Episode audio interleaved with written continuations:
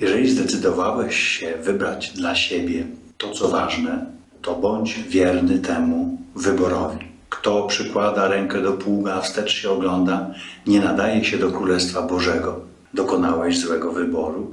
Kiedy się o tym dowiedziałeś? Trudności się spiętrzyły, a ty chcesz odejść od podjętej przez ciebie decyzji? Chrystus pokonał największe trudności, odniósł nad nimi pełne zwycięstwo. Daje ci to zrozumienia, że wszystko jest możliwe. Jest możliwe tylko z Nim. Próbowałeś. On siebie nazywa Królestwem Bożym. Jeśli przyłożyłeś rękę do pługa, tym bardziej Jemu ufaj.